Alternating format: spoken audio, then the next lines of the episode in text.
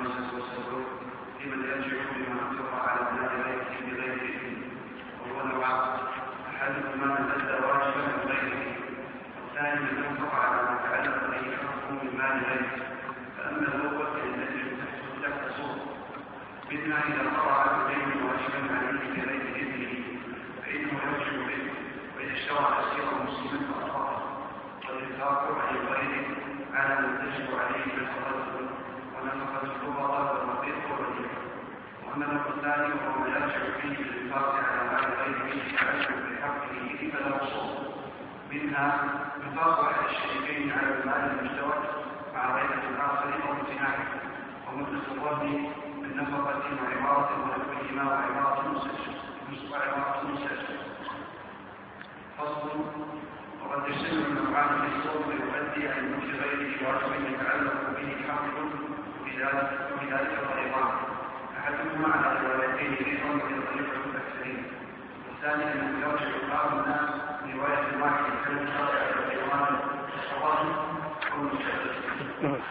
الله الرحمن الرحيم. إن الحمد لله نحمده ونستعينه ونستغفره ونعوذ بالله من شرور أنفسنا ومن سيئات أعمالنا. من يهده الله فلا مضل له ومن يضلل فلا هادي له وأشهد أن لا إله إلا الله وحده لا شريك له وأشهد أن محمدا عبده ورسوله. اللهم صل وسلم وبارك على نبينا محمد. وبعد تقدم لنا في الدرس السابق جملة من القواعد. ومن هذه القواعد قاعدة الأكل من أموال غير إذا لم يكن هناك إذن وذكرنا أن هذه القاعدة اشتملت على عدة أقسام. من هذه الأقسام الأكل من الأموال الزكوية الزروع والثمار. وما هو قدر ما يجوز له أن يأكله. وكذلك أيضا أكل ولي اليتيم من مال اليتيم. وكذلك أيضا ناظر الأوقاف والصدقات وأكله منها. وكذلك أكل عامل المضاربة. إلى آخره. وتقدم أيضا لنا من القواعد من لا يشترط رضاه لا يشترط علمه وأن هذه القاعدة يدخل تحتها صور. فمثلا الزوجة لا يشترط رضاها بالطلاق فلا يشترط علمها الرقيق لا يشترط رضاه بالعتق فلا يشترط علمه يعني لا يشترط أن يواجهه بالعتق. وكذلك أيضا المرأة لا يشترط أن يواجهها بالعتق. كذلك أيضا تقدم لنا من القواعد ما يتعلق باشتراط نفع أحد المتعاقدين وأن المؤلف رحمه الله ذكر تحت ذلك قسمين. تقدم لنا أيضا من القواعد ما يتعلق باستحقاق العوض. من عمل لغيره عملا دون أن يكون هناك مشارطة فهل يستحق العوض أو لا يستحق العوض؟ إلى آخره. تقدم أن المؤلف رحمه الله ذكر تحت هذه القاعدة نوعين. النوع الأول إذا دلت الأحوال والقرائن والأعراض على استحقاق العوض كمن نصب نفسه لهذا العمل كالقصار والطباخ والمكاري ونحو هؤلاء الذين نصبوا أنفسهم للعمل فإنهم يستحقون العوض وإن لم يكن هناك مشاركة. والقسم الثاني إذا كان عمل هذا الشخص فيه غنى للمسلمين إلى آخر ما ذكره المؤلف رحمه الله فإنه يستحق العوض. ثم بعد ذلك إلى آخر ما تقدم ثم قال المؤلف رحمه الله في درس اليوم القاعدة الخامسة والسبعون في من يرجع بما أنفق على مال غيره بغير إذنه وهو نوعان. هذه القاعدة في الرجوع بالنفقة على مال غير. الرجوع بالنفقة على مال غير. إذا لم يكن هناك إذن. أما إن كان هناك إذن فالأمر ظاهر. يعني لو أن الغير أذن لهذا الشخص أن ينفق على ماله فهنا له أن يرجع. لكن إذا لم يكن هناك إذن هذا الغير لم يأذن لهذا الشخص أن ينفق على ماله. فأنفق على ماله فهل له أن يرجع عليه؟ أو نقول بأنه ليس له أن يرجع عليه. وأيضا يعني قول المؤلف رحمه الله على مال غير أو على غير مال غير. يعني قد تكون النفقة على المال وقد تكون النفقة على غير المال. فمثلا إذا غاب هذا الرجل هذا الرجل غاب. ثم جاء جاره وأنفق على أهل هذا الرجل الذي غاب فهل الجار يرجع بالنفقة على جاره؟ أو نقول بأنه ليس له أن يرجع. هنا الآن أنفق على أهله. فهل له أن يرجع أو ليس له أن يرجع؟ إلى آخره. أو مثلا أنفق على سيارته احتاجت سيارته إلى إصلاح. فأنفق على هذه السيارة أو أنفق على بيته يعني بيته احتاج إلى شيء من الإصلاح. لو لم يصلح لهدمته الأمطار نحو ذلك يحتاج إلى إصلاح لمجاري الماء. فأنفق على بيت جاره أو صديقه إلى آخره فهل له أن يرجع بما أنفقه من مال أو ليس له أن يرجع. ومثل ذلك أيضا لو أدى الزكاة عنه أو أدى الكفارة عنه إلى آخره فهل له أن يرجع أو ليس له أن يرجع؟ لكن ما يتعلق بالزكوات والكفارات إلى آخره الحنابلة رحمهم الله تعالى لا يرون ذلك لأنهم لا يرون أن التصرفات الفضولية تجري في العبادات. المؤلف رحمه الله في هذه القاعدة في من أنفق على مال غيره أو على أهله إلى آخره. هل له أن يرجع دون أن يكون هناك إذن أو ليس له أن يرجع؟ ذكر المؤلف رحمه الله ثلاثة أقسام. القسم الأول قال من أدى واجبا عن غيره. نعم إذا أدى واجبا عن غيره فإن له أن يرجع. لكن يشترط ألا ينوي التبرع. فإن نوى التبرع فإنه ليس له أن يرجع. لأنه إذا نوى التبرع فإنه يكون واهبا. والواهب لا يجوز له أن لا يجوز له أن يرجع. العائد في هبته كالكلب.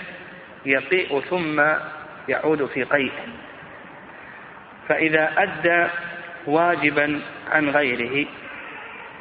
وذكر المؤلف رحمه الله صور هذا القسم. قال إذا قضى عنه دينا واجبا عليه بغير إذنه. هذا زيد يريد منه ألف دينار. ثم جاء جاره وقضى هذه الألف إلى آخره. فإنه يرجع عليه لأنه أدى واجبا عنه. كذلك أيضا إذا اشترى أسيرا مسلما فأطلقه. هذا الأسير عند الكفار فاشتراه فأطلقه فإنه يرجع عليه بالفداء الذي دفعه إلى الكفار. وكذلك أيضا الإنفاق على الغير على من تجب عليه نفقته. إذا أنفق على أهل هذا البيت فإنه يرجع على رب البيت إذا جاء أنفق على زوجته وأولاده ونحو ذلك. وكذلك أيضا إذا أنفق على اللقطة كأن تكون اللقطة مما يحتاج إلى نفقة. ولنفرض أن اللقطة آه، شاة والشاة تحتاج إلى نفقة. فأنفق على هذه اللقطة ثم جاء صاحبها فإنه يرجع عليه بالنفقة. وأنفق أيضا على اللقيط فإنه يرجع على ماله يرجع على مال اللقيط. فإذا لم يكن له مال فإنه يرجع على بيت المال وكذلك أيضا الوديعة. الوديعة كما إذا كانت الوديعة حيوانا يحتاج إلى طعام أو الوديعة آلات تحتاج إلى نفقة إلى إصلاح ونحو ذلك. يعني لو لم ينفق عليها لو لم يصلحها لفسدت. فنقول بأنه يرجع عليه فالقسم الأول إذا أدى عن غيره واجبا فإنه يرجع. ومثل ذلك أيضا كما قلنا على الصحيح إذا أدى عنه كفارة يمين. فمثلا لو لزم شخصا كفارة يمين ثم أداها عنه وأخرجها عنه فالصحيح أنه يجري فيه التصرف الفضولي فإذا أجازه من لزمته من لزمته الكفارة فإنه يرجع المخرج على من لزمته الكفارة بقيمة الكفارة. مثل أيضا لو أدى عنه زكاة إلى آخره فإنه يرجع عليه على الصحيح. هذا هو القسم الأول الذي ذكره المؤلف رحمه الله. وذكرنا أن هذا القسم يشترط فيه ألا ينوي التبرع. فإن نوى التبرع فإنه لا يجوز له أن يرجع لما تقدم. قال والثاني من أنفق على ما تعلق به حقه من مال غيره. نعم.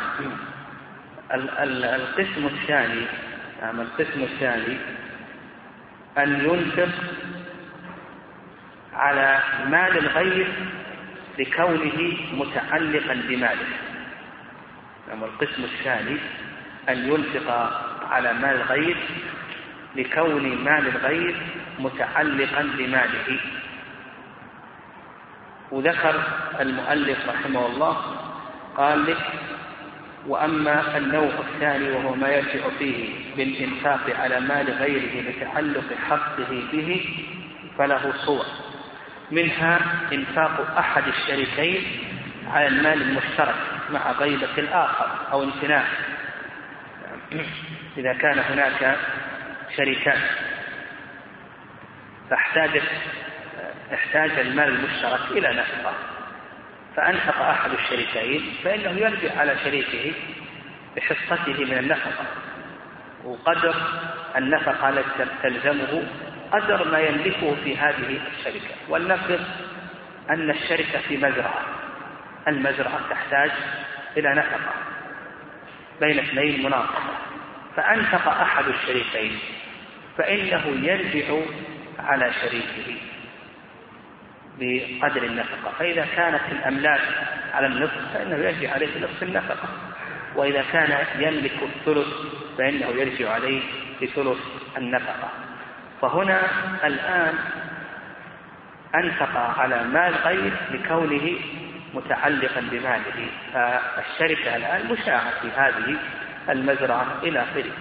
قال مع غيبة الآخر أو امتناعه قال ومؤونة الرهن من نفقة وعمارة ونحوهما. مؤونة الرهن الرهن أمانة عند المرتهن. والمرتهن لا يملك الرهن وإنما يملك حق التوسل.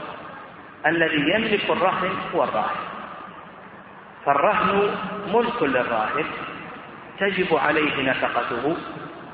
ونماؤه يكون للراهن وعلى هذا على هذا لو أن المرتهن أنفق على الراهن فإنه يرجع على الراهن بما أنفق. هنا الآن أنفق على مال غير لكونه متعلقا بحق من حقوقه وهو حق الاستيثاق لأن المرتهن له حق الوثيقة فقط. فإذا أنفق مثلا ولنفرض أن الراهن سيارة والسيارة احتاجت إلى نفقة أو حيوان والحيوان يحتاج إلى طعام وشراب ونحو ذلك فأنفق عليه فنقول بأنه يرجع على الراهن المال ومثلها أيضا من نفقة أو عمارة ونحوهما. لو كانت العين المرهونة بيتا وهذا البيت يحتاج إلى إصلاح أو لم تصلح أفسدتها الأمطار نحو ذلك تحتاج إلى إصلاح آه، مجاري المياه ونحو ذلك وقام بعمارتها أو مثلا تهدمت هذه البيت وقام قام بعمارتها فإن المرتهن يرجع على الراهن قال وعمارة المستأجرة. يعني البيت المستأجرة. عمارة البيت المستأجرة. فإذا استأجر بيتا ثم بعد ذلك البيت فسدت فيه الأبواب أو فسدت فيه مواسير المياه أو الكهرباء نحو ذلك وقام بإصلاحها فإنه يرجع على المؤجر. لأنه تعلق حقه بهذا البيت حق بل نعم تعلق حقه بهذا البيت وهو ملك المنفعة ومالك لمنفعة هذا البيت لمدة سنة أو سنتين إلى آخره ولا يمكنه أن ينتفع إلا إذا أصلحت مثل هذه الأشياء. قال لك القسم الثالث فصل وقد يجتمع النوعان في صور فيؤدي عن ملك غيره واجبا يتعلق به حق. نعم نعم يقول لك المؤلف رحمه الله قد يجتمع النوعان يعني يكون أدى عن غيره واجبا وكذلك أيضا هذه النفقة أنفق على مال غير بتعلق النفقة بماله أو بحق من حقوقه. تعلقت بماله أو بحق من حقوقه وأدى عن غيره واجبا فإنه يرجع في هذه الحال وذكر المؤلف رحمه الله قال في ذلك طريقان يعني معرفة المذهب. كيف المذهب؟ يقول لك المؤلف المذهب عند الأصحاب له طريقان. بعض الأصحاب يقولون بأنه على روايتين وهي طريقة الأكثرين. يرجع ولا يرجع؟ والرأي الثاني أنه يرجع رواية واحدة وهذا هو الصواب. الصواب أنه يرجع. نعم الصواب أنه يرجع. ومثل المؤلف رحمه الله قال كالإنفاق على الحيوان الرهن والمستأجر. هذا كما سلف كما سلف آه، آه، الكلام عليه. فتلخص لنا في هذه القاعدة أن من أدى عن غيره واجبا أو نقول آه، من نعم من أنفق على مال غيره أو على أهله أهل غيره. أو كما عبر الشيخ السعدي رحمه الله في قواعده من أدى عن غيره واجبا فإنه يرجع عليه. من أدى عن غيره واجبا من الواجبات فإنه يرجع عليه. لكن اشترطنا ألا ينوي بذلك التبرع فإنه التبرع فإنه ليس له أن يرجع. قال المؤلف رحمه الله القاعدة السادسة والسبعون الشريكان في حين مال أو منفعة إذا كانا محتاجين إلى دفع مضرة أو إبقاء منفعة أجبر أحدهما على موافقة الآخر في الصحيح من المذهب. كانهدام الحائط أو السقف إلى آخره. هذه القاعدة فرع عن القاعدة السابقة. يعني فرع عن القاعدة السابقة. وتقدم أن المؤلف رحمه الله ذكر أن من أنفق على مال غيره لكون مال غيره تعلق بماله أو تعلق بحق من حقوقه فإنه يرجع على على الغير. من أنفق على مال غيره لكون مال الغير تعلق بماله أو تعلق بحق من حقوقه فإنه يرجع. هنا الآن هذه الصورة هذه القاعدة داخلة في القسم الثاني الذي سبق. فعندك القسم الثاني الشركان في عين في عين مال شركان في مزرعة هذه عين منفعة. أو منفعة شركان في منفعة يعني استأجر هذا البيت أو استأجر استأجر هذا البيت أو استأجر هذا الدكان لمدة سنة. اثنان استأجر هذا البيت أو هذا الدكان لمدة سنة. الآن هما شريكان في منفعة. فإما أن يكون شريكين في عين وإما أن يكون شريكين في منفعة. فإذا احتاج أحدهما إلى أن ينفق على هذه العين لكي يدفع مضرة ويجلب المنفعة فإنه يرجع على صاحبه. يحتاج أن ينفق على المزرعة لكي تسلم من الضرر ويستفاد منها إلى آخره. قد تحتاج المزرعة إلى حفر آبار إلى إصلاح مرشات ونحو ذلك فإنه يرجع على صاحبه والنفقة بقدر الأملاك. فإذا كانت الأملاك على النصف فإنه يرجع عليه بنفس النفقة إلى آخره. كذلك أيضا إذا كان الشريكين في منفعة منفعة هذا الدكان ولا يمكن الانتفاع بهذا الدكان إلا إذا أصلح هذه أصلح هذه هذا الدكان احتاج إلى تعمير ونحو ذلك إلى آخره. فنقول بأنه يرجع على شريكه. قال كانهدام الحائط أو السقف المشترك وتأمير القناة المشتركة. القناة هي عبارة عن أبيار يستخرج منها الماء لأبيار متتالية يستخرج منها الماء. فإذا احتاجت المزرعة إلى أو احتاجت هذه القناة إلى إصلاح وهذه القناة مشتركة فإنه ولا يمكن أن ينتفع بهذه القناة إلا بإصلاحها فإنه يصلحها ويرجع على شريكه. قال وطلب القسمة فيما يقبلها يجبر عليه الآخر وقسمة المنافع بالمهايئة هل تجب الإجابة إليها أم لا؟ يعني إذا طلب أحد الشريكين القسمة فيما يمكن قسمته لأن الأعيان الأعيان قد تمكن قسمتها وقد لا تمكن قسمتها فإذا كانت تمكن قسمتها وطلب أحد الشريكين المقاسمة فإنه تجب إجابته. أما إذا كانت لا تمكن قسمتها لا تمكن قسمتها إلا مع وجود الضرر أو رد العوض إلى آخره فإنه لا تجب الإجابة. أما إذا كانت تمكن قسمتها لكبر مساحتها ولا يترتب على ذلك ضرر أو رد عوض إلى آخره فهنا لا ينظر إلى الرضا وتقسم هذه الأعيان. آه، قسمة المنافع بالمهاية هل تجب الإجابة عليها الإجابة إليها أم لا؟ وجهان. المشهور عدم الوجوب قسمة المنافع بالمهاية والمهاية هي توزيع. توزيع المنافع على حسب الزمان. فهذا ينتفع. مثلا إذا فرضنا أنهما يمتلكان منفعة الدكان أو منفعة البيت.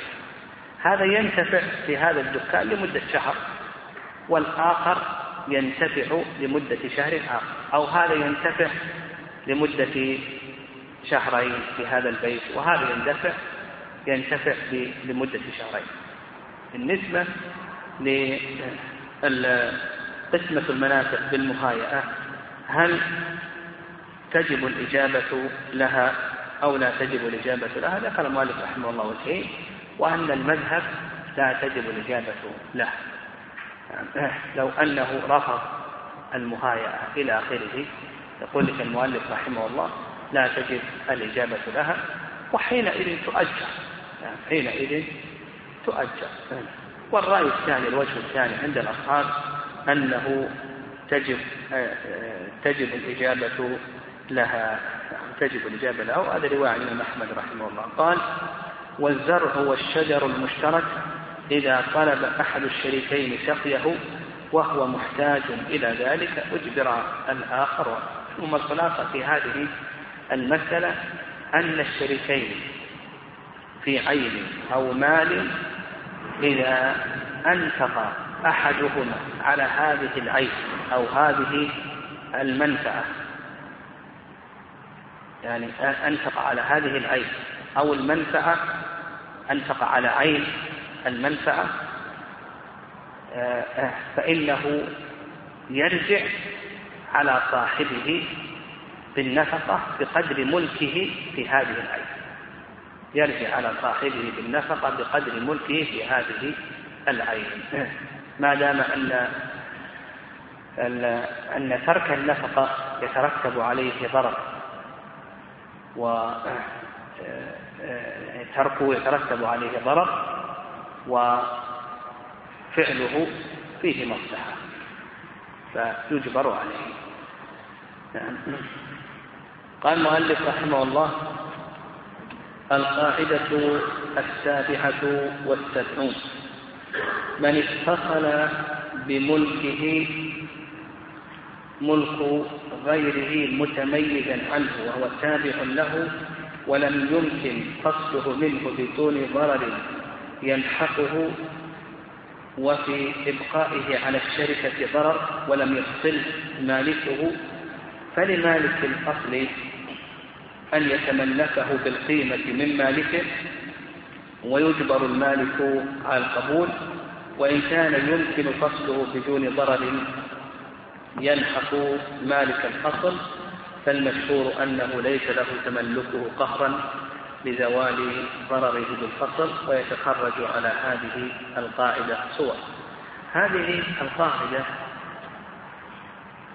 معناها أو خلاصتها تملك ملك الغير إذا اتصل بملك الشخص. تملك ملك الغير إذا اتصل بملك الشخص. يعني إذا اتصل بملكك مال لغيرك فهل لك أن تتملك هذا الملك ملك الغير الذي اتصل بملكك؟ أو ليس لك أن تتملكه المؤلف رحمه الله تعالى ذكر قسمين أو ذكر قسمين تحت هذه القاعدة. القسم الأول القسم الأول قال وإن كان يمكن فصله بدون ضرر يلحق مالك الأصل. يعني هذا القسم الأول أن يمكن فصله أن يمكن فصل ملك الغير عن ملك الشخص؟ بدون ضرر يلحق مال ملك الشخص مالك الأصل فإذا أمكن الفصل بين الملكين فإنه يفصل بينهما وليس له الحق في التملك. فعندنا القاعدة تملك ملك الغير إذا اتصل بملك الشخص وكان هذا الشخص صاحب أصل يعني صاحب أصل. فهل لصاحب الأصل أن يتملك هذا الملك الذي اتصل بملكه أو نقول ليس له أن يتملكه؟ نقول عندنا قسمان. القسم الأول أن يمكن فصل مال غيره بلا ضرر يلحق ملك صاحب الأصل. فإذا أمكن فصل ملك الغير دون أن يكون هناك ضرر يلحق مالك الأصل فإنه يفصل ولا يتملكه صاحب الأصل. لا يتملك ملك الغير صاحب الأصل. نعم. قال لك المؤلف رحمه الله منها خراج المستأجر وبناؤه بعد انقضاء المدة إذا لم يقلع. فللمؤجر تملكه بالقيمة. رجل صورة المسألة رجل استأجر أرضا. وغرس فيها غرسا. ولنفرض أنه غرس فيها نخلا. استأجرها لمدة خمس سنوات. والنقل يطول بقاؤه في الأرض لسنوات كثيرة. انتهت السنوات الخمس. الآن هذا الغرار اتصل بملك الغير.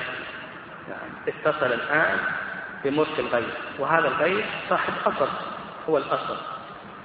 فهل له أن يتملك صاحب الأصل صاحب الأرض؟ هل له أن يتملك الغرائز أو لا يتملك الغرائز؟ نقول هنا إذا أمكن فصل الغرائز فإنه ليس له الحق أن يتملكه لو قال المستأجر أنا بقلع الغرائز لأن الشجر ممكن قلبه. قال أنا أقلع الغرائز. نقول ما دام أنه ما يلحق صاحب الأرض ضرر نقول لك الحق في أن تقلع هذا الغرائز. تقلع الغرض.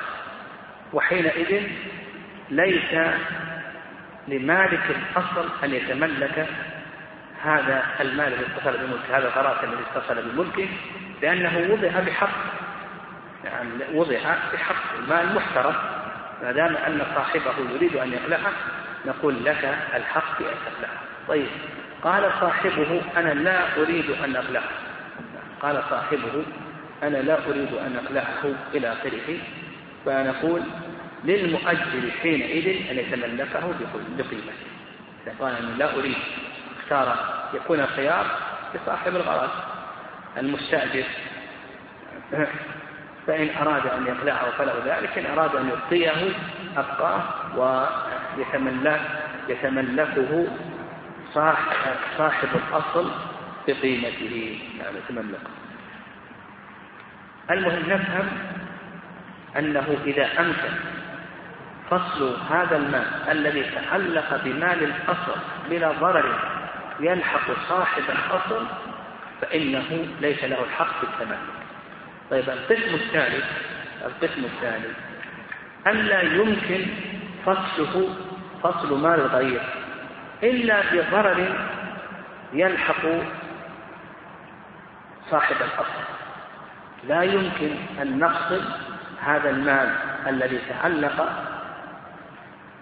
بمال صاحب الأصل إلا بضرر يلحق صاحب الأصل.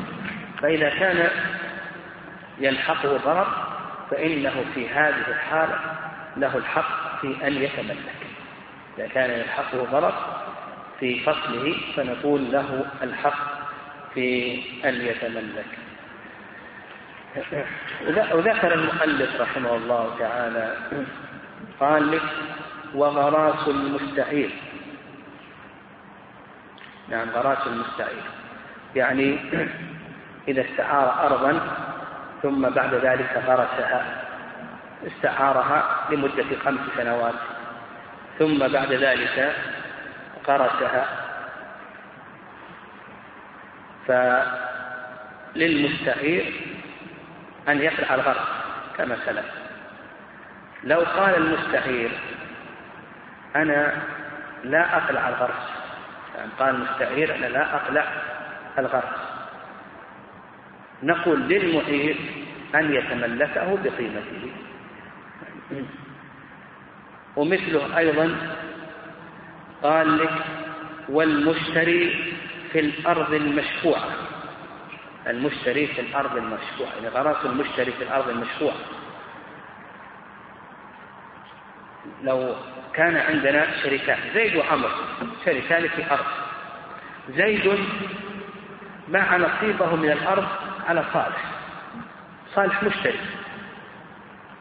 غرس صالح في هذه الأرض.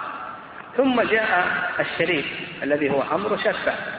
شفع على من؟ على صالح يعني أعطاه الثمن الذي دفعه لشريكه الذي هو عمر شف عليه فالأرض الآن التي التي غرس فيها المشتري أصبحت لمن؟ أه؟ أصبحت لعمر الشريك أصبح جميع النصيب لعمر الآن بالنسبة لغراس المشتري غراس المشتري. نقول المشتري اقلع غرضك إذا اختار أن يبقى فنقول المشتري يتملكه بأي شيء؟ يعني يتملكه بقيمته. وكذلك أيضا قال لك والمفلس. نعم والمفلس. يعني صورة المسألة هذه غراس المفلس. صورة المسألة. هذا رجل اشترى أرضا. وغرس فيها غرسا ثم بعد ذلك حجر عليه القاضي لطلب الغرماء عليه ديون وعنده أموال. ديونه أكثر من ماله إذا كان الدين أكثر من المال وطلب الغرماء أو بعضهم الحجر عليه فإنه يحجر عليه القاضي ويسمى مفلتا هذا الرجل الذي باع الأرض المفلس الآن تعلق الحجر بإعيان أمواله الموجودة. النبي صلى الله عليه وسلم يقول من أدرك ماله بعينه عند رجل قد أفلس فهو أحق به أحق به من الغرماء. فهذا الرجل الذي باع الأرض على المفلس وما أعطاه قيمة الأرض. وجد عين ماله عند هذا الرجل المفلس يكون أحق بها ما ما تكون أسوة الغرماء. يعني يكون أحق بهذه الأرض. ما يزاحمه الغرماء في هذه الأرض. الآن رجع في الأرض. بقينا في الغرس الذي غرسه من هو؟ المفلس غرسه المفلس نقول للمفلس وللغرماء لأن الغرماء حق تعلق بمال المفلس يقلعوا هذا الغرام؟ إذا اختاروا أنهم ما يقلعون وأن البائع يتملكه فإنه يتملكه بالقيمة. قال المؤلف رحمه الله والمشتري من الغاصب نعم. وبناؤهم المشتري من الغاصب كذلك أيضا لو أن رجلا اشترى من غاصب يظنه مالكا ثم غرسها ثم تبين أن هذه الأرض مغصوبة وأنها رجعت إلى مالكها. نعم رجعت إلى مالكها. فنقول للمشتري خذ الغرس اقلع الغرس. فإن اختار المالك أن يتملكه بقيمته نقول له أن يتملكه بقيمته. ومثل ذلك أيضا البناء. يعني إذا أمكن قلعه يقال مثله كما قيل في الغرس المهم القسم الثاني إذا كان لا يمكن فصل مال غير إلا بضرر يلحق مال الأصل أو صاحب الأصل مال صاحب الأصل فإن لصاحب الأصل أن يتملك.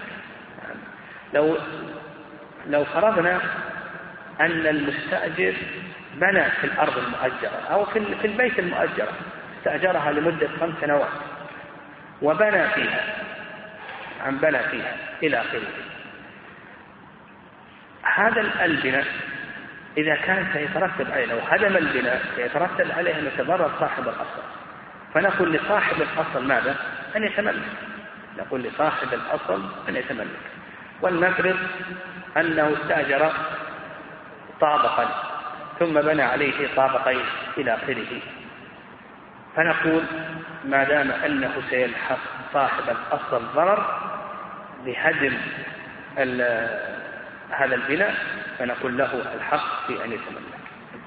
فالخلاصة في هذه القاعدة أنه إذا اتصل بمال صاحب الأصل مال آخر.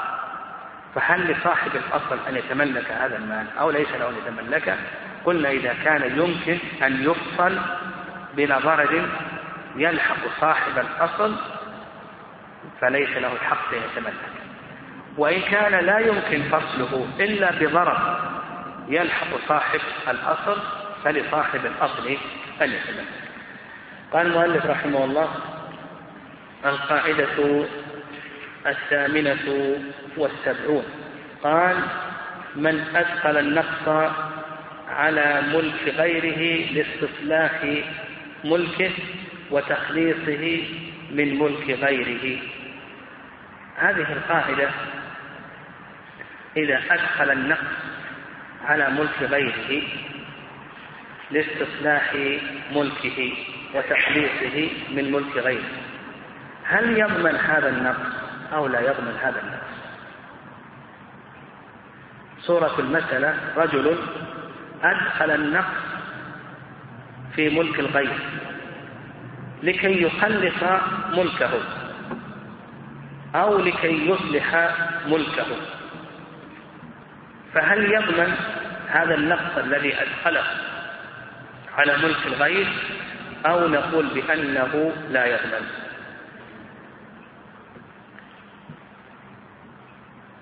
بالمثال يتضح قال لك المؤلف رحمه الله لو باع دارا فيها ناقة لم تخرج من الباب إلا بهدمه فإنه يهدم ويضمن المشتري النقص. هذا رجل باع دارا فيها ناقة ناقة. لم تخرج إلا بهدمه فإنه يهدم ويضمن المشتري النقص. الدار الآن فيها ناقة والناقة لا يمكن أن تخرج مع الباب لصغر الباب.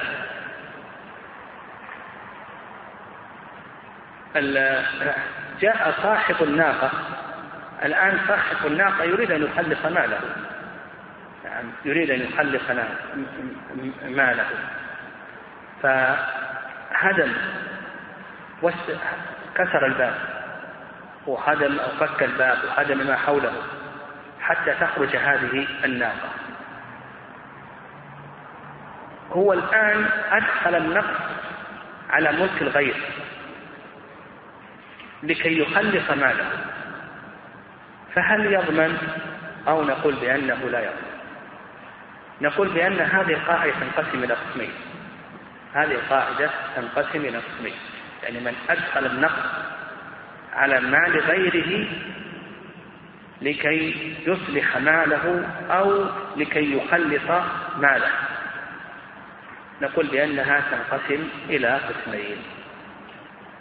القسم الأول القسم الأول ألا يكون هناك تعد ولا تفريط من الغير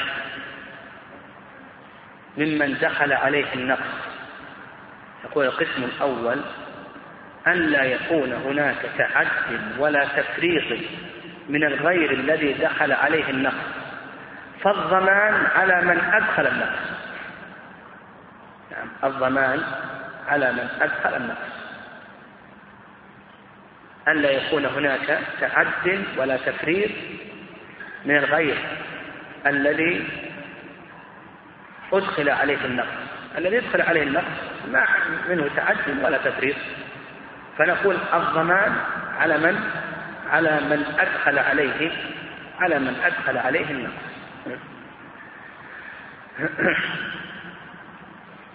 مثال ذلك. نعم مثال ذلك. كما مثل هذه هذه المسألة. ناقة في بيت لا يمكن إخراجها. نعم لا يمكن إخراجها. صاحب الناقة باع الناقة. جاء المشتري نعم جاء المشتري وهدم في البيت حتى أخرج ناقته. صاحب البيت ليس منه تحد ولا تفريط. فنقول الضمان على من؟ ها؟ على المشتري. الضمان على المشتري الذي قام باشتراء هذه الناقة. صاحب البيت ليس منه تحد ولا تفريط. طيب القسم الثاني أن يكون الذي دخل عليه النقص منه تعد أو تفريط. فنقول الضمان عليه. وليس على صاحب المال الذي يريد أن يخلص ماله. مثال ذلك مثال ذلك قصب هذه الناقة وهي صغيرة ثم كبرت هذه الناقة. يعني غصب ولد الناس وكبر وأصبح جملا.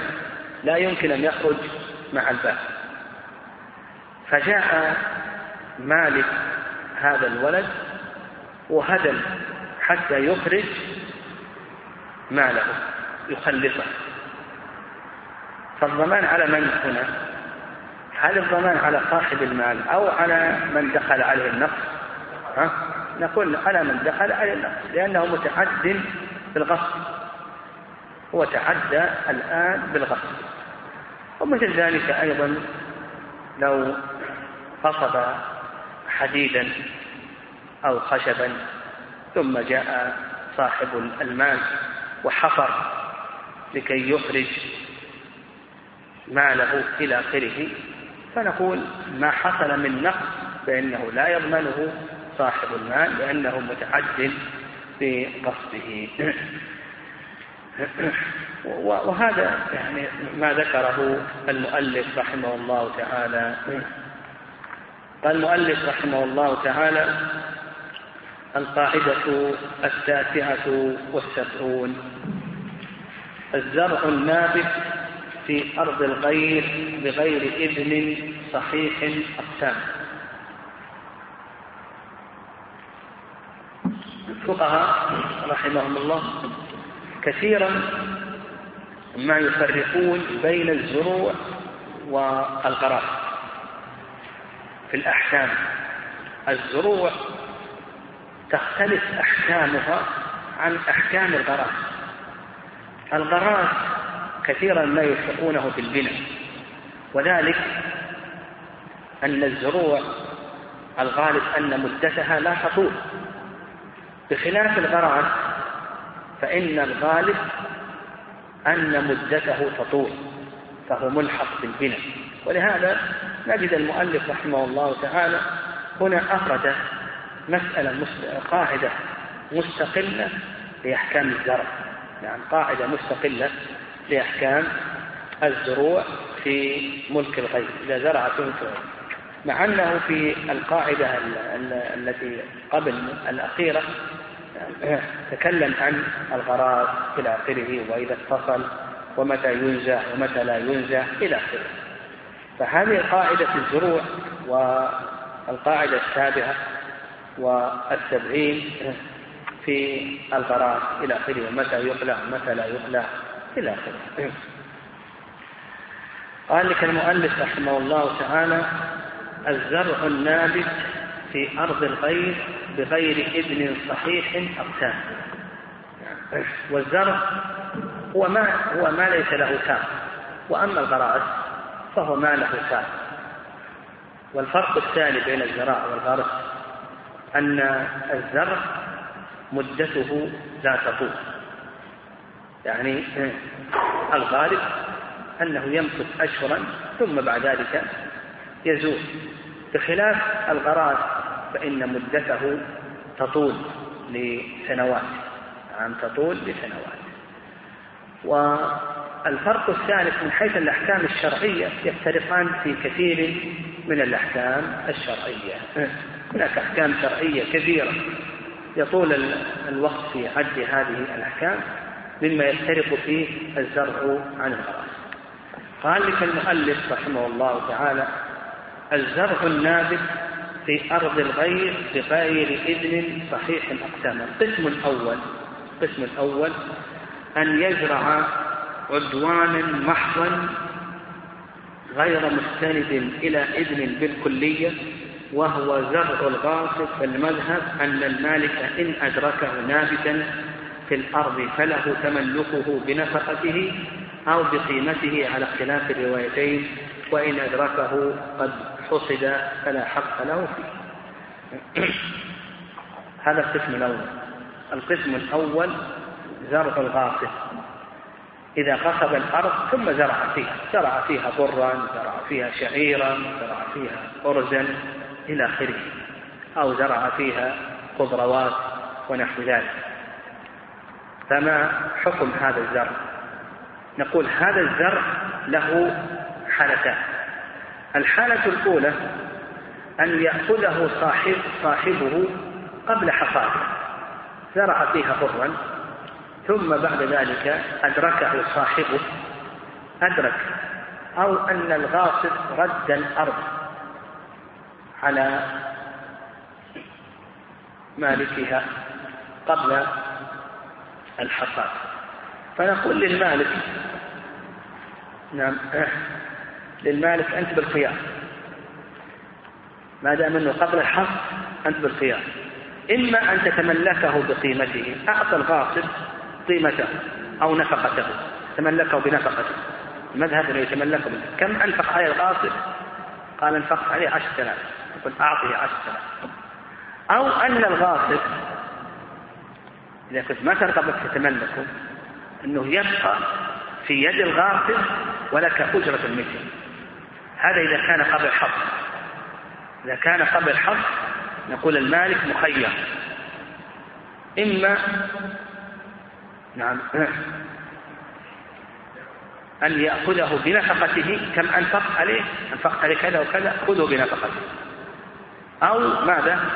أو أن يتركه بأجرة المثل بيد القائم الحالة الثانية أن يكون ذلك بعد الحصد يعني زرع الحصد ثم رد فنقول إذا زرع وحصد فالزرع للغاصب وعليه أجرة أجرة المثل الزرع نقول للغاصب ونطالب الغاصب بأجرة المثل طيب هذا القسم الأول.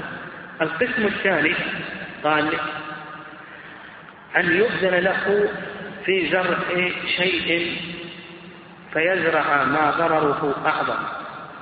ما ضرره أعظم منه. كمن استؤجر لزرع شعير فيزرع ذرة أو دخنا وحكم حكم الغاصب عند هذا القسم الثاني. أن يؤذن له في زرع شيء فيزرع ما هو أعظم منه ضررا. استأجر الأرض وكان الاتفاق أن يزرع فيها شعيرا الشعير ضرره على الأرض. ليس كضرر الدخن. الدخن أشد ضرر على الأرض. فيزرع فيها دخنا. أو ذرة وش الحكم هنا؟ إذا زرع. هنا الآن هل أذن له في زرع الدخن أو الذرة نقول لم يؤذن له في زرع الدخن ولا الذرة وش حكم هذا الزرع؟ حكم حكم ماذا؟ ها؟ زرع الغاصب كما تقدم في التفصيل. وعلى هذا نقول له حالتان. إن كان بعد الحق فأجرة المثل والزرع للمستأجر. وإن كان قبل الحق نقول للمالك أنت بالخيار إما تتملك بنفقته أو أن تبقيه بيد المستأجر بأجرة هذا القسم الثالث. يعني هذا القسم الثالث. القسم الثالث قال المؤلف رحمه الله أن يزرع بعقد فاسد ممن له ولاية العقد كالمالك والوصي والوكيل والناظر إما بمزارعة فاسدة أو بإجارة فاسدة. فقال الأصحاب الزرع لمن زرع وعليه لرب الأرض أجرة مثله. هذا القسم الثالث. أن يزرع بعقد فاسد. والعقد الفاسد هو الذي اختل شرط من شروط صحته. فمثلا آه، بمزارعة فاسدة. مزارعة فاسدة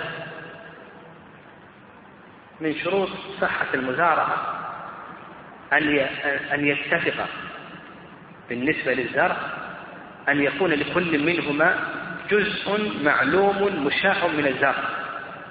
جزء معلوم مشاع من الزرع. هذا له النصف وهذا له النصف هذا له الربع وهذا له ثلاث أرباع لو كان ليس مشاعا وإنما هو معين قال أنا لي الجانب الشرقي وأنت لك الجانب الغربي وش تكون هذه المزارعة؟ ها؟ نقول إنها بأنها مزارعة فاسدة لأن الشرط نعم ماذا؟ أن يتفق على جزء مشاع معلوم من الزرع. لو قال لي أنا مثلا كذا وكذا من الحاصل والباقي لك. إيش نقول هذا؟ هذه مزارعة ماذا؟ مزارعة فاسدة أو إجارة فاسدة. أجره به. أجره لكي يزرع الأرض لكن بثمن مجهول. نقول هذه إجارة فاسدة. فإذا كان ذلك بمزارعة فاسدة المهم بعقد فاسد.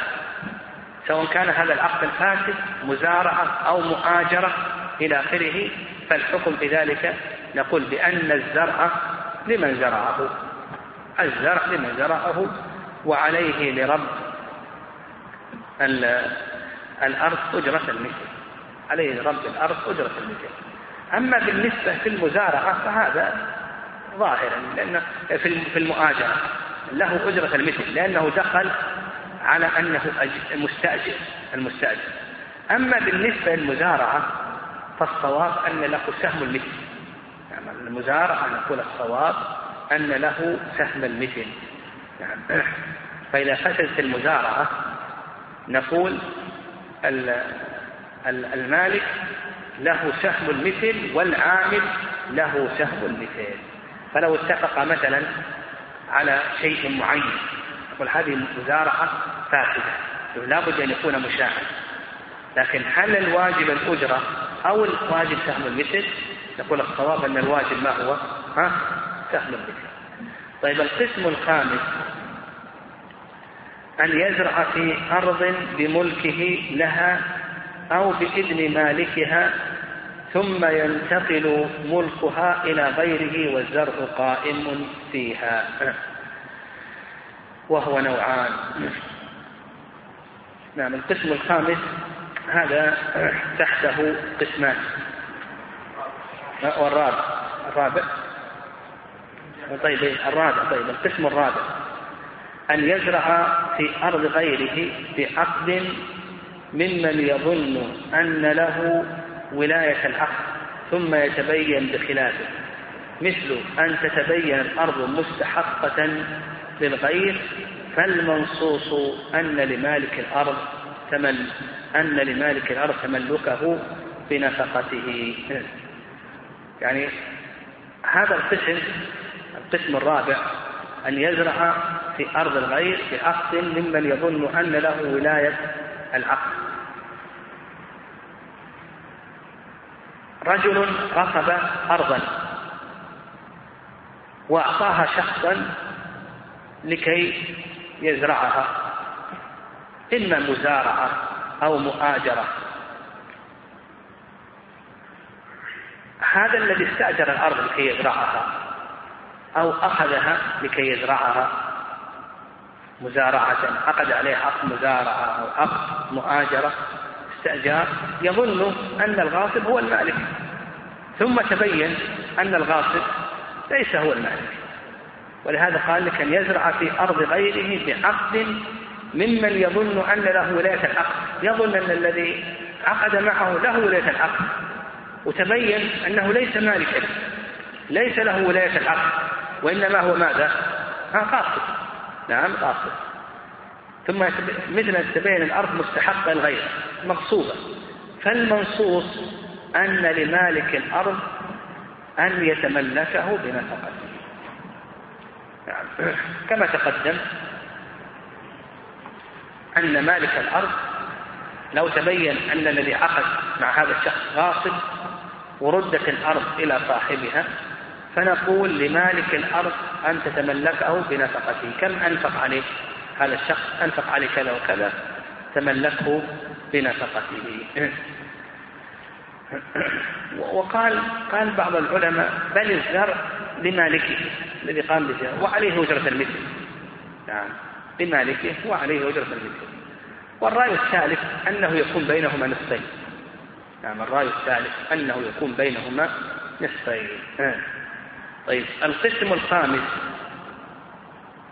أن يزرع في أرض بملكه لها أو بإذن مالكها ثم ينتقل ملكها إلى غيره والزرع قائم فيها.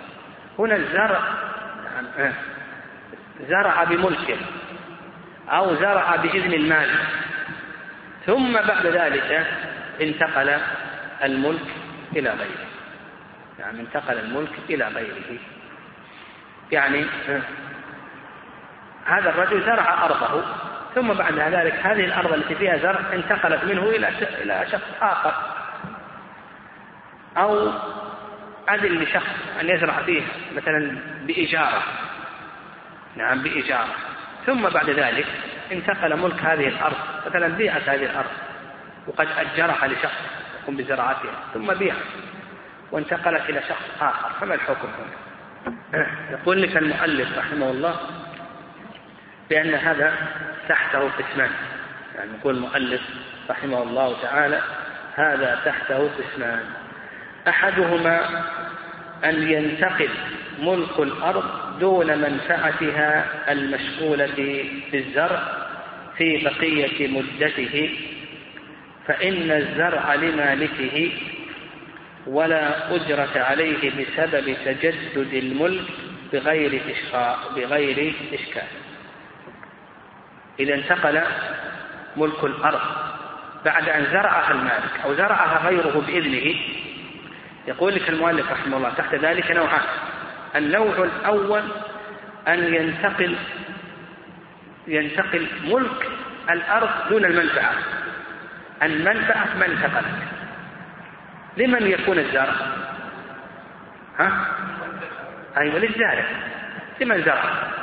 إذا انتقلت الأرض لكن المنفعة ما انتقلت فقال لك المؤلف الزرع للمالك لمن زرع. وليس عليه أجرة. الزرع للمالك وليس عليه أجرة. مثال ذلك قال ويدخل تحت هذا من استأجر أرضا من مالكها وزرعها ثم مات المؤجر وانتقلت إلى ورثته. مات المؤجر وانتقلت إلى ورثته. فالورثة يحلون محل مورثهم في العقد ويستمر العقد يعني يستمر العقد والزرع يكون لمن؟ ها؟ للمستأجر. الزرع يكون ولا أجرة عليه. نعم. ويبقى إلى تمام المدة. قال لك ومن اشترى أرضا فزرعها ثم أفلس. فإن للبائع الرجوع في الأرض والزرع للمفلس. يعني كما تقدم لنا أن الشخص إذا حجر عليه وهناك أرض اشتراها ولم يسدد ثمنها. فإن صاحب الأرض يكون أحق بها. صاحب الأرض أحق بها. الآن حجر على هذا الرجل. وقد زرعها. ثم جاء صاحب الأرض. ورجع فيها. لقوله صلى الله عليه وسلم من أدرك ماله عند رجل فأفلس فهو أحق به. رجع الآن. وفيها زرع. ها؟ الزرع لمن يكون ها؟ الزرع يكون لمن؟ للمفلس يعني هذا الرجل مفلس لأنه وضعه بحق. نعم. فقال لك فإن للبائع الرجوع في الأرض والزرع للمفلس نعم نقول الزرع للمفلس والبائع الذي باعه الأرض دون أن يقبض ثمنها ما تكون هذه الأرض أسوة الغرماء بل له أن يرجع فيها. صاحب الأرض له أن يرجع فيها. ها؟ لا. الزرع المخلف يكون أسوة الغرماء نعم يكون أسوة الغرماء لكن بالنسبة للأرض فإنه يرجع فيها صاحبها البائع الذي لم يقبض ثمنها. قال ومن أصدق امرأته أرضا فزرعتها ثم طلقها قبل الدخول والزرع قائم وقلنا له الرجوع فإن الزرع مبقى بغير أجرة. يعني إذا طلق إذا أصدق امرأته أرضا ثم زرعتها هذه المرأة. المرأة زرعت هذه الأرض. ثم طلقها قبل الدخول. كم له من هذه الأرض وكم لها؟ له النصف ولها النصف. ورجع الآن بالنصف. والنصف حقه فيه زرع للمرأة المرأة زرعت كل الأرض ورجعت النصف ما حكم هذا الزرع؟ نقول الزرع يكون لمن؟ يكون للمرأة. يعني الزرع للمرأة تبقي بغير الأجرة قال لك وكذلك حكم من زرع في أرض يملكها ثم انتقلت إلى غيره ببيع أو غيره ويكون الزرع مبقا فيها بلا وجه لو كان عنده أرض ثم زرعها ثم باع على زيت الزرع لمن يكون؟ ها للبائع نعم الزرع يكون للبائع وله أن يبقيه ماذا؟ نعم أن يبقيه إلى وقت الحصاد بلا أجرة. أنا زرعت أنا لي هذه الأرض وزرعتها ثم بعتها على زيد من الناس. نعم بعتها على زيد من الناس. فالزرع يكون للبائع نعم ولي أن يبقيه إلى إلى وقت أخذه بلا أجرة. هذا النوع القسم النوع الأول. يعني النوع الأول أن أن أن ينتقل الملك دون المنفعة. أن ينتقل الملك دون المنفعة. فتبين لنا في هذا النوع إذا انتقل الملك دون المنفعة أن الزرع لمالكه. بلا أجرة بالصورة ذكر المؤلف رحمه الله. ها؟ كيف؟ كيف؟ إيه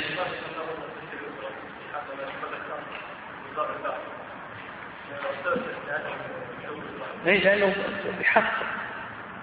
نعم.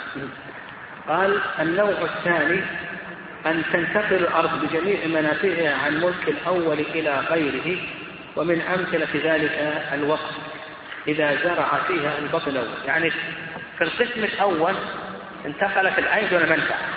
أما هنا فانتقلت العين والمنفعة جميعا. يعني انتقلت العين والمنفعة جميعا. فقال لك المؤلف رحمه الله تعالى ومن أمثلة ذلك الوقت إذا زرع فيه أهل البطن الأول أو من آجروه ثم انتقل إلى البطن الثاني والزرع قائم فإن قيل إن الإجارة لا تنفسخ وللبطن الثاني حصتهم من الأجرة فالزرع مبقى لمالكه بالأجرة السابقة. وهذا هو الصحيح. هذا هو الصحيح. يعني في هذا القسم انتقلت الأرض ومنفعتها إلى غير غير من قام بزراعتها. انتقلت الأرض ومنفعتها إلى غير من قام بزراعتها. نفرض أن هذه الأرض وقف على زيد على إمام المسجد. على إمام المسجد. وزرعها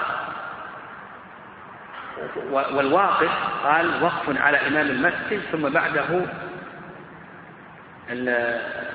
الإمام الذي يخلفه إمام المسجد قام زرع ترك الإمام أو مات ولنفرض أنه مات. خلفه الإمام الثاني وفيها زرع الآن. يعني فيها زرع لمن يكون هذا الزرع؟ يعني لمن يكون هذا الزرع؟ وقال لك المؤلف رحمه الله إذا انتقل الآن إذا زرع أهل البطن الأول أو من آجروه ثم انتقل البطن الثاني والزرع قائم نعم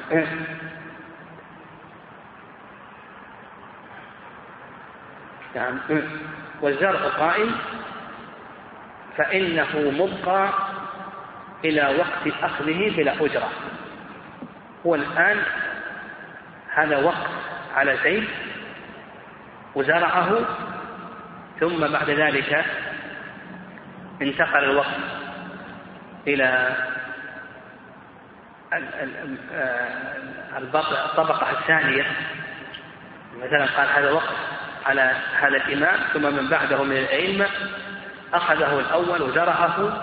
ثم بعد ذلك مات هذا الشخص وخلفه إمام آخر فنقول الزرع يكون لورثة الإمام الأول مبقا إلى وقت أخذه بلا أجرة ومثل ذلك أيضا لو أن الإمام الأول أجر الأرض يعني أجر الأرض على زيد من الناس. على زيد من الناس. ثم بعد ذلك زرعها زيد. ثم مات. وانتقلت الإمام الثاني. فهل الإجارة تنفسخ أو لا تنفسخ؟ بتغير البطول هذا موضع خلاف بين الفقهاء رحمه الله والصواب أنها لا تنفسخ الإجارة. وعلى هذا تبقى يبقى الزرع لمن؟ ها؟ للزارع. نعم يبقى الزرع للزارع ويدفع الأجرة.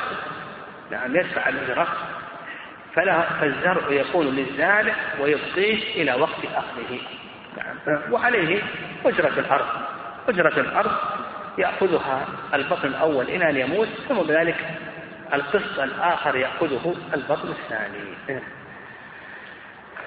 وما ذكره المؤلف قوله فالزرع مبقا لمالكه بالأجرة وإن قيل بالانفساخ هذا الرأي الثاني. إن قيل ينفسخ هذا الرأي الثاني وهو المذهب الصحيح يقول المؤلف رحمه الله فهو كزرع المستأجر بعد انقضاء المدة إذا كان بقاؤه بغير تفريط للمستأجر فيبقى بالأجرة إلى أوانه فالخلاصة نعم الخلاصة في هذا أنه يكون للزارع نعم يكون للزارع لمالكه إلى وقت أخذه بلا أجرة نعم هذا خلاصة كذا قال القسم السادس احتمل السيل بذر إنسان إلى أرض غيره فنبت فيها.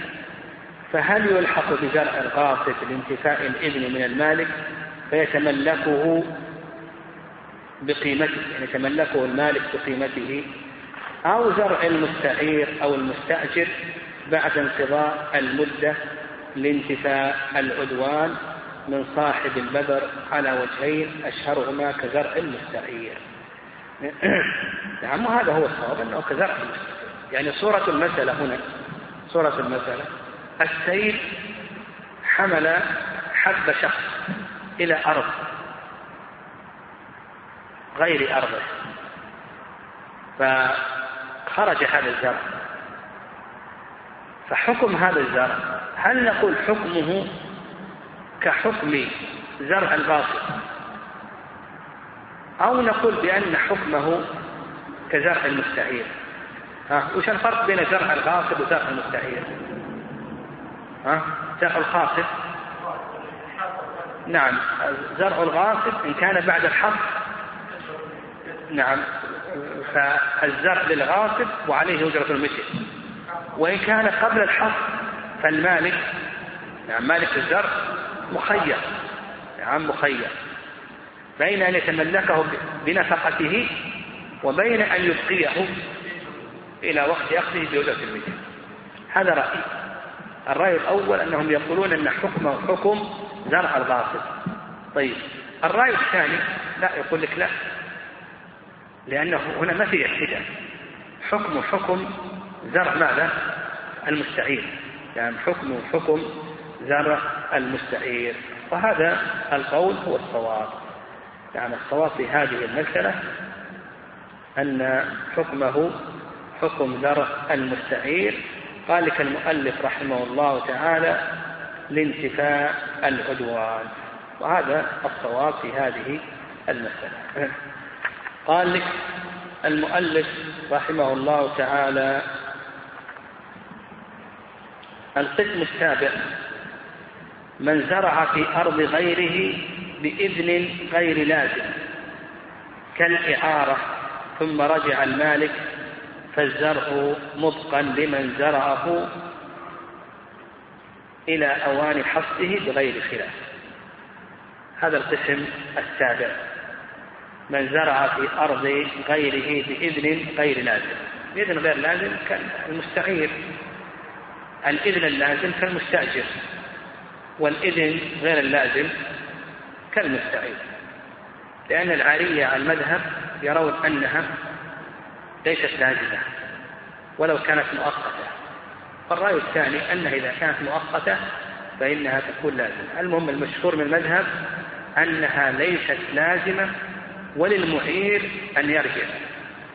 فهنا الآن رجع المال. يعني فيقول لك المؤلف رحمه الله الزرع مبقى لمن زرعه إلى حواني إلى أوان حصه خلاف فزرع المستعير إذا استعار أرضا ثم زرعها ثم بعد ذلك رجع المالك في عاليته إذا قلنا بصحة الرجوع فنقول بأن الزرع يكون لمن زرعه بلا أجرة. يبقيه المستعير الذي زرعه إلى وقت أخذه. نعم. قال المؤلف رحمه الله القسم الثامن والأخير. من زرع في ملكه الذي منع التصرف فيه بحق غيره كالراهن والمؤجر. وكذا وكان ذلك يضر بالمستأجر والمرتهن لتنقيصه قيمة الأرض عند حول الدين فهو كزرع الغاصب وكذا غراسه وبناؤه فيخلع الجميع. هذا القسم الثامن والأخير. يقول لك المؤلف رحمه الله بأنه كزرع الغاصب. وذلك مثل الراهن. الراهن إذا زرع في الأرض المرهونة هو يملك الأرض لكن تعلق بها حق المرتهن من الوثيقة وأنه يملك الأرض. ومثله أيضا المؤجر إذا زرع في الأرض المؤجرة هو أجر هذه الأرض على زيد من الناس ثم قام وزرع فيها. فيقول لك المؤلف رحمه الله تعالى بأن هذا الزرع حكم حكم زرع الغاصب كما تقدم. تقدم أن زرع الغاصب فيه حالتان سبق بيانهما. لماذا؟ لأن هذا الزرع وضع بغير حظ يعني هذا الزرع وضع بغير حظ قال المؤلف رحمه الله القاعدة الثمانون ما يتكرر حمله من أصول البقول والخضروات هل هو ملحق بالزرع أو بالشجر؟ ما يتكرر حمله من أصول البقول؟ البقول مثل وش يتكرر حمله من البقول؟ يعني يؤخذ ثم يرجع مرة أخرى يؤخذ ثم يرجع مرة أخرى. من البقول مثل كراس مثل الكراس يجز ثم يخرج ثم يجز ثم يخرج ومثل البصل البصل يجز ثم يخرج وهكذا. طيب. والخضروات وش مثال الخضروات؟ يؤخذ يلقط ثم يرجع مرة أخرى ويلقط ثم يرجع. مثل الباذنجان. الباذنجان يؤخذ ثم يرجع. البامية يؤخذ ثم يرجع إلى آخره. فهذه الأشياء تتكرر ما يتكرر حمله. هل هو ملحق بالزرع أو بالشجر؟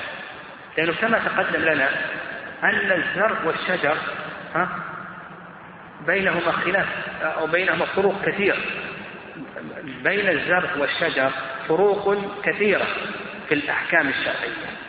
فهذا الذي يتكرر هل نلحقه بالزرع بالزرع البقول تتكرر. كلما أخذ تتكرر هل نلحقها بالزرع لأنها معرضة للآفات. أو نلحقها بالشجر لأنها تتكرر فيها طول طول مدة فيها شيء من طول المدة. فهل نلحقها بالشجر أو نلحقها بالزروع؟ يقول لك المؤلف رحمه الله فيه قولان العلماء رحمه الله. ويترتب على ذلك مسائل نذكر من هذه المسائل. إذا بيعت مفردة دون الأرض إذا المسألة الأولى إذا بيعت مفردة دون الأرض إذا قلنا بأنها ملحقة بالشجر جاز أن تباع مفردة دون الأرض وإذا قلنا بأنها ملحقة بالزرع فإنه لا يجوز أن أن تباع مفردة دون الأرض لا بد أن تباع مع الأرض أو بشرط القصد إذا بيعت مفردة لوحدها فإن قلنا بأنها ملحقة بالشجر جاز وإن قلنا بأنها ملحقة بالزروع لا يجوز أن تباع إلا مع الأرض أو تباع بشرط القصد طيب أيضا المسألة الثانية. إذا زرعها الغاصب نعم إذا لو أن الغاصب قصب أرضا ثم زرع فيها هذه الزروع التي تتكرر. زرع فيها هذه الزروع التي تتكرر. فإن قلنا بأنها ملحقة بالشجر إذا قلنا بأنها ملحقة بالشجر فله أن يقلعها مجانا. يعني إذا قلنا بأنها ملحقة بالشجر فله أن يخلعها مجانا. وإن قلنا بأنها ملحقة بالزرع فإنه يتملكها بقيمتها. يعني صاحب الأرض صاحب الأرض. لا. إذا زرع فيها قاصد ما يتكرر حمله. إذا قلنا بأن هذا يتكرر الذي يتكرر حمله كالشجر. يقول لصاحب الأرض أن تقلعها مجانا ولا يلزمك شيء. وإذا قلنا بأنها ملحقة بالزرع ها؟ فإنه ماذا؟ يتملكها بقيمته كما قلنا الزرع أنه يتملكه بنفقته وبعد الحصاد كما تقدم في الزروع بعد الحصاد ماذا؟ الزرع للغاصب وعليه أجرة المثل كما تقدم قال المؤلف رحمه الله القاعدة الحادية والثمانون النماء المتصل في الأعيان المملوكة العائدة إلى من انتقل الملك عنه بالفسوق يتبع الأعيان على ظاهر المذهب عند أصحابنا والمنصوص عن أحمد لا يتبع ويتخرج على ذلك مسائل. هنا الآن أراد المؤلف رحمه الله أن يذكر في هذه القاعدة وفي القاعدة التي تليها ما يتعلق بالنماء. في هذه القاعدة سيتكلم عن النماء المتصل. وفي القاعدة التي تليها سيتكلم عن النماء المنفصل. والنماء المتصل والنماء المنفصل يختلفان في كثير من الأحكام وبينهما فروق كثيرة من الأحكام. النماء المتصل هو النماء المتصل هو زيادة العين. زيادة العين زيادة لا يمكن لا يمكن نعم زيادة العين. زيادة حسية أو أو معنوية. زيادة لا يمكن فكه منها. النماء المتصل هو زيادة العين زيادة لا يمكن فكها منها سواء كانت هذه الزيادة حسية مثل ثمن الشاة. هذه زيادة متصلة زيادة كبر الأشجار. هذه زيادة متصلة. أو كانت الزيادة معنوية مثل الرقيق إذا تعلم صنعة. هذه زيادة ماذا؟ معنوية. ما يمكن فكه منها. فك, فك هذه الزيادة من العين. بالنسبة للنماء المتصل هل يتبع العين في العقود والفسوق أو نقول بأنه لا يكون تابعا؟ يعني مثلا اشتريت شاة والشاة هذه هزيلة. نعم هزيلة.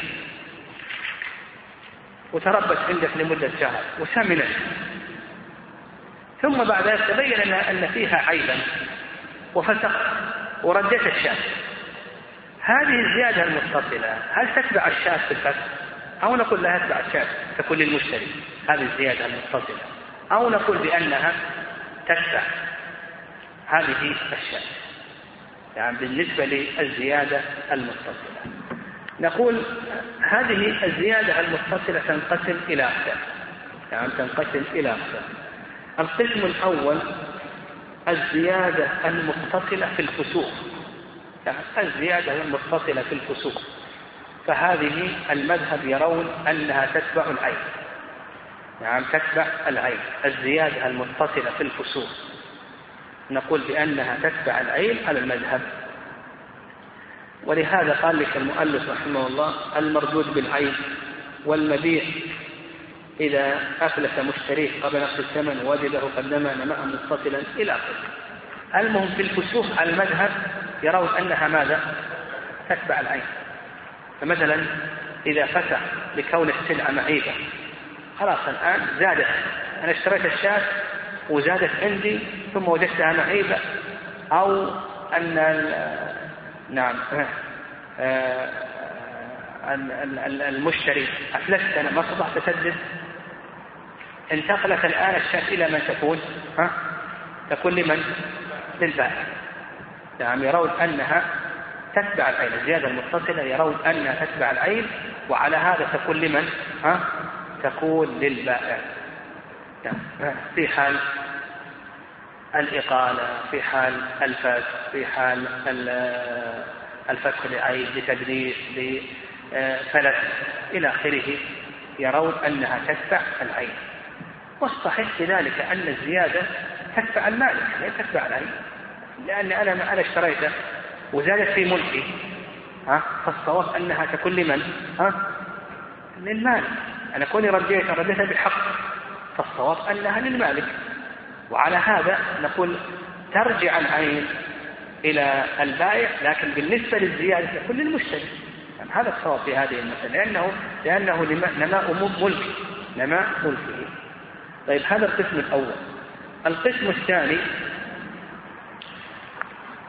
الزيادة المتصلة في العقود. هذه ما تقدم الزيادة المتصلة في أي شيء؟ في الفسوق في العقود. قال لك المؤلف رحمه الله. وأما العقود فيشبع فيها النماء الموجود حين حين ثبوت الملك بالقبول أو غيره وإن لم يكن موجودا حين الإيجاب أو ما يقوم مقامه. في العقود يتبع الزيادة المتصلة تتبع العين تكون تابعة العين أوجب قال بعت عليك هذه الشاة ثم بعد ذلك زادت حتى الآن المشتري ما قال قبلت ثم قال قبلت الزيادة الآن حصلت ماذا؟ بين الإجابة والقبول الأصل أن الزيادة تكون لمن؟ ها؟ تكون لمن؟ ما دام ما قبل المشتري تكون الزيادة لمن؟ للبائع نعم لكن المؤلف رحمه الله يقول بأنها تتبع العين وعلى هذا تكون لمن؟ للمشتري نعم تكون للمشتري القسم الثالث نعم القسم الثالث قال لي الموصى به إذا نما نماء متصلا بعد الموت وقبل القبول فإنه يتبع العين إذا احتمله الثلث. يعني هذا القسم تابع يعني تابع للقسم الذي قبله. نعم تابع للقسم الذي قبله. يعني الموصى به وصى بهذه الشاة لزيد من الناس. نعم وصى بهذه الشاة لزيد من الناس. مات. الموصى به لا يملكه الموصى له إلا بالقبول. لا بد أن يقبل. مات الآن؟ هذا الموصى. وقبل الموت هي ملك له. لكن مات ما قبل الموصى له؟ حتى زادت هذه الشاة زيادة متصلة ثم قبل بعد أسبوع بعد شهر إلى آخره. هذه الزيادة المتصلة هل هي للموصى له أو للورثة؟ لأنه بعد الموت أصبح المال لمن؟ الورثة وهو لم يوصى له إلا بهذه العين. فيقول لك المؤلف رحمه الله تكون لمن؟ ها؟ للموصى له مع أنه ما يثبت ملكه إلا بالقبول. نعم ما يثبت ملكه إلا بأي شيء؟ بالقبول. وقبل القبول على ملك الورثة. نعم على ملك يعني مقتضى القواعد أن الزيادة قبل القبول تكون لمن؟ للورثة فلو فرضنا أنها عند الموت 300 وزادت ب 100 يكون للموسى له قدر كم؟ 300 ويكون للورثة قدر 100 هذا هذا مقتضى القواعد. لكن المؤلف رحمه الله يقول بأنها تكون لمن؟ ها؟ للموصى له. تبع العين طيب القسم الأخير يعني نختم. يعني القسم الأخير. في عقود الضمان. قال وأما عقود الضمان فيتبع في الغصب وفي الصيد الذي في يد المحرم وفي نماء المقبوض بعقد فاسد في عقود الضمان الزيادة المتصلة تتبع العين. يعني في عقود الضمان الزيادة المتصلة. مثلا لو غصب بقرة وسمنت هذه البقرة ثم تلفت عنده هل يضمنها وهي هزيلة؟ أو يضمنها وهي سمينة ها؟ سمينة نعم ومثله أيضا الصيد الذي في يد المحرم. الصيد الذي في يد المحرم يجب عليه نطلق الصيد.